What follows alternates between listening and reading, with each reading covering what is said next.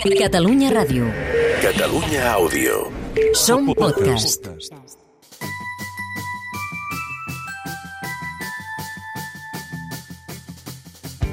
Sants i estalvis. La salut que depèn de tu.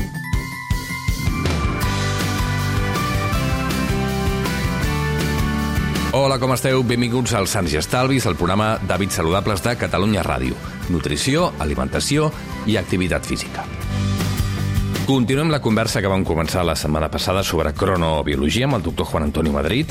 Fem memòria, tots els processos corporals en tots els éssers vius estan regulats per una sèrie de rellotges biològics, la manca de llum natural durant el dia, l'accés de llum quan es fa fosc, la manca de rutina en els àpats o el sedentarisme són cronodisruptors, és a dir, que desajusten el rellotge biològic.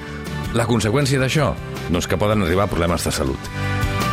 Si seguim els 4 o 5 o 6 consells bàsics del doctor, evitarem aquests problemes per aquestes causes i fins i tot podem arribar a millorar la salut o el rendiment esportiu. En parlarem ara mateix.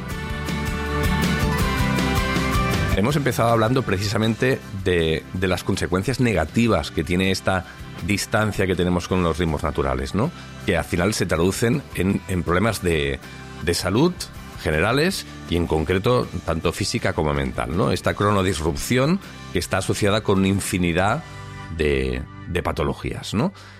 Hay otras cosas pequeñitas que las amutas también al principio del libro que también se pueden hacer que parecen, que parecen tonterías, pero que, que, vaya, si las dices, seguramente no lo son, ¿no? Por ejemplo, es más normal tener un poco más de frío en invierno y un poco más de calor en verano. Sin embargo, estamos acostumbrados a tener siempre 22 grados de temperatura siempre, a lo largo de todo el año. Eh, comer productos de temporada, es decir, algunos alimentos solo los podemos comer en momentos determinados del año y está bien asociarlos a esos momentos determinados del año, porque hoy en día puedes comer cerezas todo el año, puedes comer piña todo el año, puedes comer de todo y lo puedes encontrar en cualquier lugar, ¿no? Todas esas pequeñitas cosas también son útiles. Son muy útiles, son, son útiles porque nos dan, no, nos prestan o nos proporcionan un armazón temporal, una estructura temporal para nuestra memoria. Fíjate que si yo eh, como siempre el mismo tipo de alimentos, o esas comidas que había antes reservadas para la Navidad o para Pascua, determinados momentos del año se comían, eso proporciona como una serie de señales, de ciclos, y te va alimentando también, te va ayudando a que tu memoria los vaya situando antes y después de esos determinados eventos. Si por el contrario, pues bueno, sé, comes sandía durante todo el año, comes cualquier tipo de producto, cualquier comida que, que antes se reservaba para una época, ahora se, se comen en todo momento, estamos perdiendo claves de tiempo. Y esas claves de tiempo son muy importantes para la memoria a largo plazo, para, para retener en tu cabeza lo que ha sido tu vida, para la sensación que tienes de experimentar el paso del tiempo. Por otro lado, esa, costumbre que tenemos de que lo ideal es la temperatura siempre a 22 grados de día, de noche, en invierno y en verano, es un error. En realidad, por la noche necesitamos temperaturas más frescas. Durante el día podemos necesitar una temperatura un poco más alta, pero además, como te estás moviendo, ya la generas tú mismo. El, hecho de los frutas, la, la, los productos de temporada, lo que comenzaba yo anteriormente, aparte de que ecológicamente es mucho más sostenible utilizar productos de temporada y, y de proximidad, es que desde el punto de vista mental, de ritmos eh, anuales y de ritmos circadianos, es mucho más positivo incorporar todas esas claves de tiempo. En el libro también hablas de, de uno de los experimentos naturales eh, más uh, interesantes de los últimos años, que ha sido el confinamiento eh, por culpa de la COVID, ¿no? De repente nos hemos dado cuenta de una serie de cosas que si no nos hubiéramos parado de una forma tan drástica, no habríamos reparado en ellas, ¿no? Pero una cosa curiosa, y precisamente ligando con lo que decías de la, del, de la relación que tenemos con el paso del tiempo mental, ¿no? Eh, durante, durante el confinamiento los días se nos hacían eternos, ¿no? Se hacían largos, porque no había casi nada que hacer. Eh, y la, pero en cambio ahora, mirando hacia atrás, es como todo un gran bloque uniforme, todo es lo mismo, no recordamos nada exactamente de lo que hicimos porque cada día era igual, ¿no? Sí, eh, bueno, no es igual, ¿no? Pero eh, imaginemos una situación de una persona que está eh, confinada en una cárcel, ¿no? Y pasa 10 años en una celda de aislamiento. recuerdo las, lecturas de Nelson Mandela, que lo contaba así, ¿no?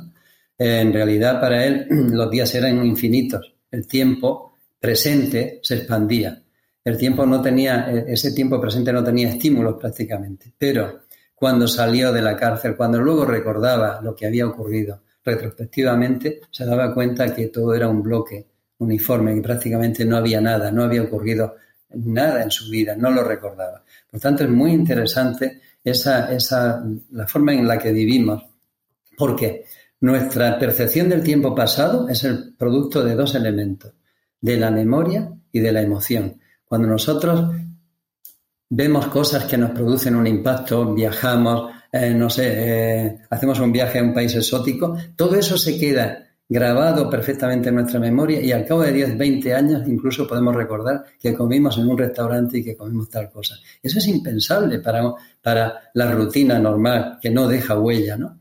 Lo interesante, por tanto, y sobre todo cuando vas cumpliendo años, es que incorpores hitos eh, de tiempo, esos marcadores de tiempo que sean emocionalmente, que te recompensen y que sean vivencias enriquecedoras. Eso te proporciona una, vida o por lo menos una percepción de que tu vida ha sido larga. Y tiene impacto positivo sobre la salud cognitiva, seguro. Seguro, seguro. Sobre la salud cognitiva es muy importante. Fíjate, aquellas personas que han vivido en cuatro, cinco, diez países o han cambiado de residencia, tienen muchas más claves temporales que las que han vivido siempre en el mismo lugar. Porque saben, aquello ocurrió antes de que yo me fuera a vivir a Berlín o aquello ocurrió después, ¿no? Y tienen esas claves de tiempo son fundamentales. Em, para los deportistas que nos escuchan, que alguno habrá por ahí también, ah, hay un capítulo, una parte de un capítulo muy interesante donde hablas, por ejemplo, de los mejores momentos del día para practicar según qué deportes. Estamos hablando de alta competición también, ¿eh? No, estamos hablando de diferencias del 1% en el rendimiento, ¿eh? No estamos hablando de, lo que hacemos todos un poco cuando vamos al gimnasio, ¿no? Que levantamos cuatro pesas y nos vamos a casa, ¿no? Em, pero es interesante ver cómo eh, realmente en, la alta competición los estudios de cronobiología también tienen aplicaciones para mejorar el rendimiento, ¿no? Y hablas de, por ejemplo, de el mejor momento para hacer determinadas actividades. Por ejemplo, fuerza máxima, ¿no? Hablas tarde, finales de la tarde, inicio un poco de, de la noche, para que es el momento donde se genera fuerza máxima, por ejemplo. Sí, hay, una gran cantidad de deportes, por ejemplo, baloncesto, fútbol o incluso la, misma fuerza, que tiene un pico hacia la tarde-noche.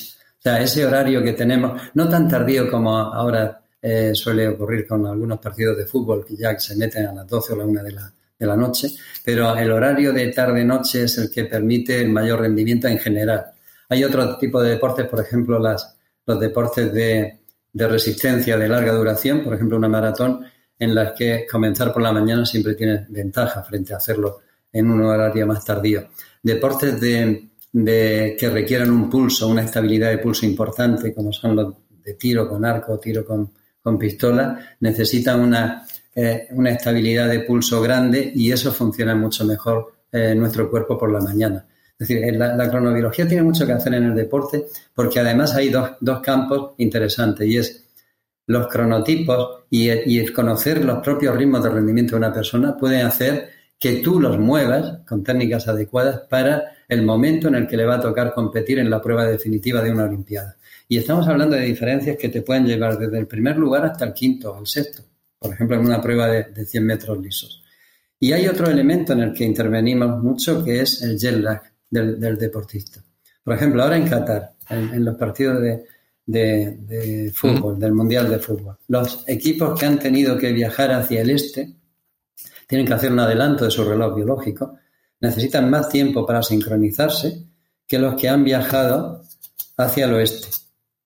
Por ejemplo, desde Japón hacia Qatar, Japón está, estará cinco, cuatro horas aproximadamente. Puede tenerlo más fácil que de Estados Unidos a Qatar porque es, es, pura biología, ¿no? El reloj biológico se adapta siempre mejor a retrasar que no a adelantar. Y entonces tú necesitas saber el tiempo eh, que, tiene que estar el equipo entrenando en ese lugar para alcanzar el máximo rendimiento. Yo siempre me fijo en, esa, en ese tipo de claves y, veo, bueno, pues ha perdido eh, un equipo que ha viajado menos horas de diferencia horaria con respecto a otro, cómo ha funcionado, ¿no? Claro, que, al final hay una relación, como en todo, ¿eh? No hay una predeterminación, como vienes de un lugar determinado perderás seguro, ¿no? Pero es uno de los factores que entran en juego y es un factor importante, como en todo lo que estamos diciendo, ¿no? Sí, evidentemente. Eh, por ejemplo, para los, los tenistas que a veces en las temporadas tienen muy poco tiempo para cambiar de un país a otro, pues eh, tienen que competir con diferencias horarias de ocho horas y no le da tiempo a adaptar su reloj biológico porque para ello necesitarían dos semanas de adaptación. Y lo que muchas veces lo que hacen es no cambiar el horario, ver cuándo le va a tocar competir en ese, en ese país de destino y bueno, pues adaptar un poquito el horario eh, previo del viaje en España para que cuando llegues allí lo tengas lo mejor posible, pero no te da tiempo a adaptar a producir un cambio horario. Eh, estamos acabando. Ah, para, para, ir cerrando, una de las cosas mm, preciosas que vamos descubriendo en el programa, hablando con diferentes especialistas, es que em, la, la puerta para entrar a la salud eh, es múltiple. Es decir, no solo hay una sola entrada posible, con la cual cosa mucha gente se quedaría fuera porque esa puerta no sería para ellos, pero sin embargo uno igual no puede incidir sobre sus hábitos de sueño, pero sí puede incidir sobre sus hábitos alimentarios. O igual no puede con sus hábitos alimentarios, ni con pero sí con su actividad física. Y si empieza por una parte, por la que sea, automáticamente las demás mejoran un poco, ¿no? Sí, sí, siempre, siempre. Mira, si empiezas por actividad física, tu sueño mejora. Eso es una característica que tiene la actividad física, que es que equilibra neurotransmisores, produce una, una reducción de la ansiedad. Me estoy refiriendo a actividad física eh, sobre todo la, que implica una actividad vigorosa, ¿no? Pues, por ejemplo, sales a correr y con menos de una hora ya notas los efectos. A lo mejor si vas caminando necesitas dos o tres horas para notar los mismos efectos.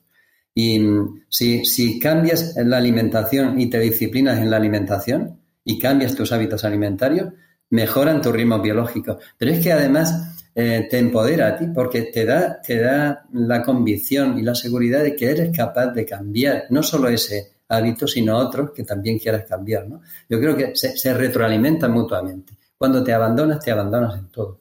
Claro. Claro, claro. Y, precisamente cuando uno está abandonado, está abandonado totalmente. Y a veces ya es que ya ni siquiera ve las oportunidades que realmente tiene delante, ¿no? Las que no puede cambiar, pues no las puede cambiar, pero las que sí, dice, oye, es que es igual, ¿no? Eh, es que es igual.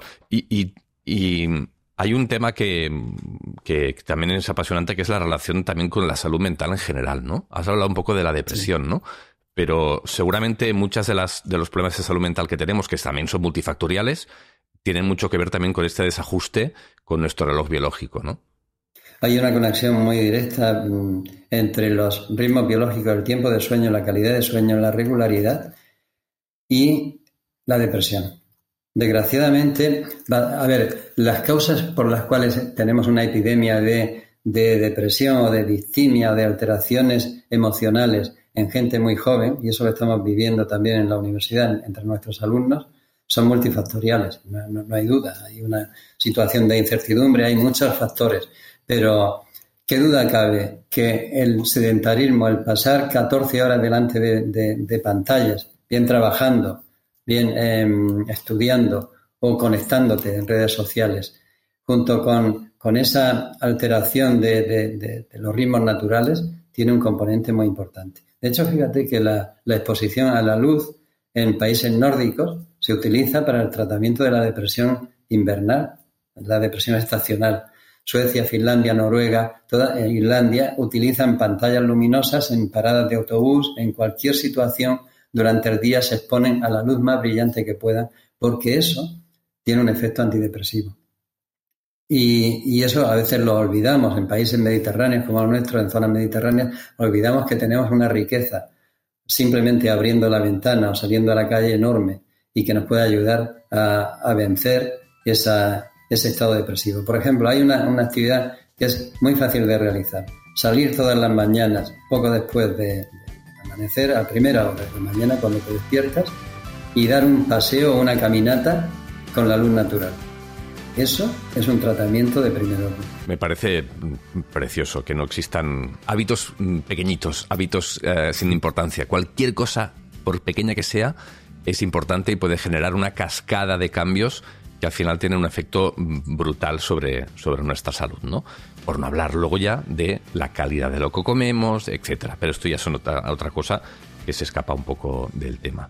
No sé, eh, doctor, si quiere, para acabar, ¿eh? Mm, para, para recoger un poco em, la importancia, destacar de nuevo un poco la importancia de ponernos eh, en, en, hora, ¿no? De ponernos un poco en hora y de conectar con ese, con ese relojero, ¿no?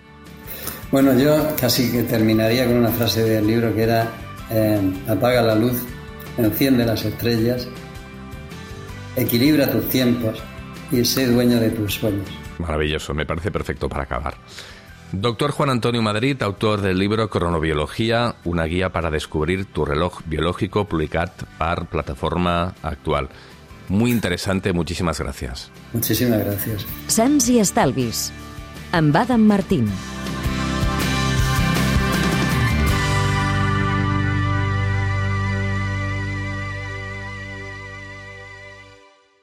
Catalunya Ràdio. Catalunya Àudio. Som podcast.